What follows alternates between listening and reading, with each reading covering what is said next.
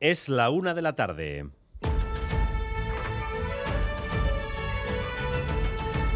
Crónica de Euskadi con Dani Álvarez. A Rachaldeón, el menesiano que cometió abusos sexuales en el Colegio San José de Bermeo ha reconocido los hechos ante las víctimas. Tres mujeres que fueron abusadas por este pederasta le han contado nuestro compañero Asier Sánchez a través de un vídeo que el padre Felipe, como se le conocía, admite los abusos y les pide perdón. Aceptaba todo y decía que pide perdón a todos los alumnos eh, víctimas del caso este del Colegio San José de Bermeo y a todas las familias y que bueno que Dios nos tenga la gloria. Mucho más tampoco dijo porque estaba leyendo un papel, vamos, estaba preparado. Estaba leyendo un papel y el perdón llegó a través de un vídeo que les han mostrado. Enseguida va a estar con ustedes Asier Sánchez para contarnos esa secuencia, una secuencia insuficiente para estas víctimas que reclaman como mínimo que ese vídeo se haga público y que sea expulsado de la orden de los menesianos. Además, hoy por vez primera en la historia, un equipo africano va a disputar una semifinal del Mundial de Fútbol.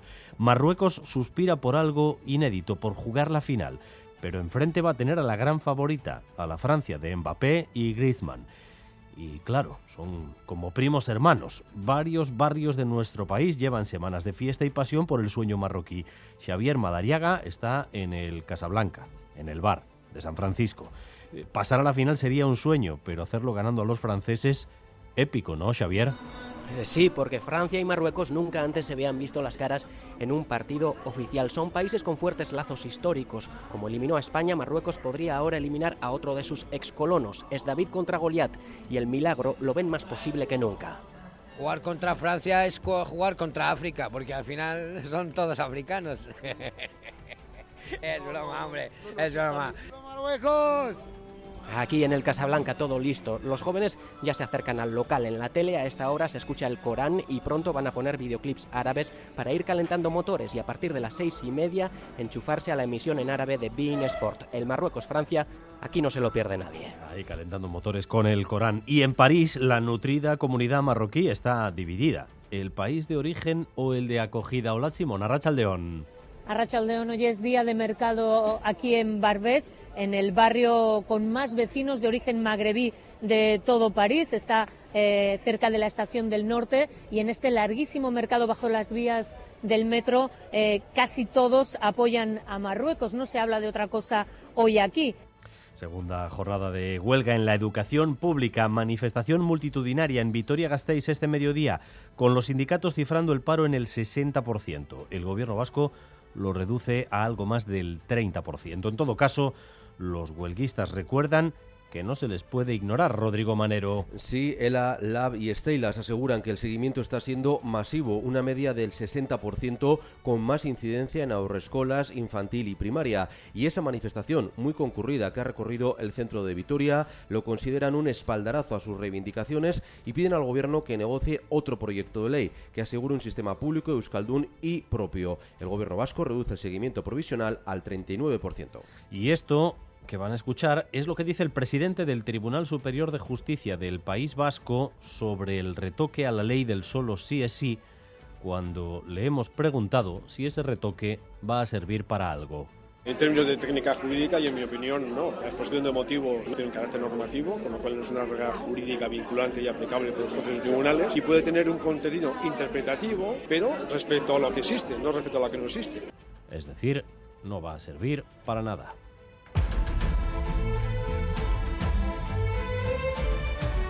Además, hoy es el día grande de la radio en Barcelona. Esta tarde se entregan los Ondas y Radio Euskadi va a recibir uno por el programa especial que Boulevard hizo de manera simultánea en las cárceles de Vizcaya, Guipúzcoa y Araba.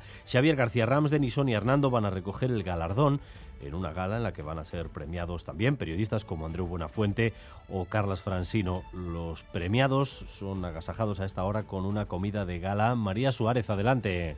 Egunon, sí, en el Palacio Albéniz, aquí en Montjuïc, con vistas preciosas de Barcelona.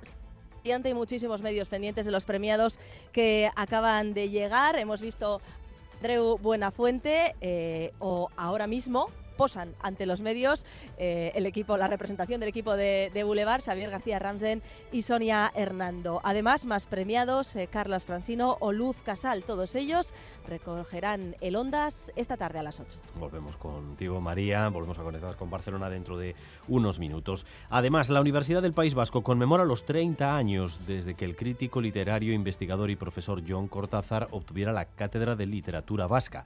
Es uno de los creadores y ensayistas más prolíficos en el campo de la euskal literatura.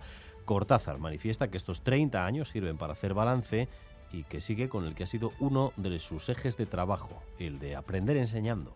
Pues la verdad que el proyecto se, está, se ha hecho demasiado grande. Nosotros eh, seguiremos dando de comer, pero al final eh, lo de que pasa en todos los lados y un poco el llamamiento de hoy es también es un poco llamamiento de alarma de que Saporeac eh, no tiene dinero más que hasta febrero y estamos con problemas. Que hay que hacerse socios, porque esto lo necesitan como respirar. Que nosotros, Elena y yo, ya nos hemos hecho. Es imprescindible hacerse socio, porque si no, no hay, no hay money, ¿eh? Y si no hay money, pues mal andamos. Y este que acaban de escuchar es Juan Mari Arzaque, el cocinero, ha comparecido hoy junto a Pello García Miano, uno de los fundadores de Zaporeac. El proyecto ha puesto en marcha una campaña de captación de socios para poder seguir dando de comer a los refugiados en la isla de Lesbos. Advierten de que el dinero con el que cuentan se va a acabar en febrero.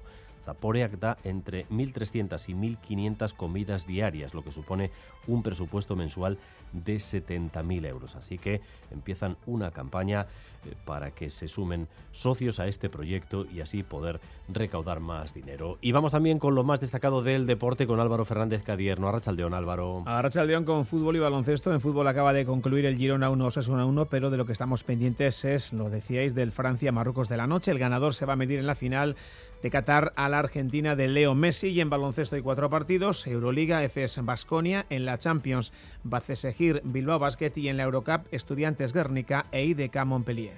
Y la A8 en Musquis ha estado cortada toda la mañana debido a un accidente con 10 coches implicados. Los problemas se van desahogando, pero ha sido un punto problemático hasta mediodía. Natalia Díaz. Sí, el Departamento de Seguridad nos acaba de comunicar que ya se circula con normalidad en la autopista, en la 8, pero hasta 10 vehículos han visto implicados en este accidente que ha ocurrido poco antes de las 9 y todo apunta a debido a que el suelo estaba deslizante. Se investiga si por algún vertido. No ha habido heridos, pero no se ha logrado retirar los vehículos hasta prácticamente el mediodía, por lo que la autopista en dirección Cantabria ha estado totalmente cortada. Se desviaba el tráfico por Musquiz, pero las retenciones han llegado hasta los 5 kilómetros. Ahora no hay ninguna incidencia en la red viaria. Ambiente soleado y agradable durante el día con temperaturas templadas debido todavía al viento sur. Eso sí, por la noche se va a acercar un nuevo frente que podría dejar algún chubasco disperso. 18 grados de temperatura ahora mismo en Donostia o en Bayona, 17 en Bilbao, 13 en Vitoria-Gasteiz, 13 grados de temperatura también en Pamplona. Gracias un día más por elegir Radio Euskadi y Radio Vitoria para informarse. Raúl González y José Ignacio Revuelta están en la dirección técnica y Aitziber Bilbao en la coordinación. Crónica de Euskadi con Dani Álvarez.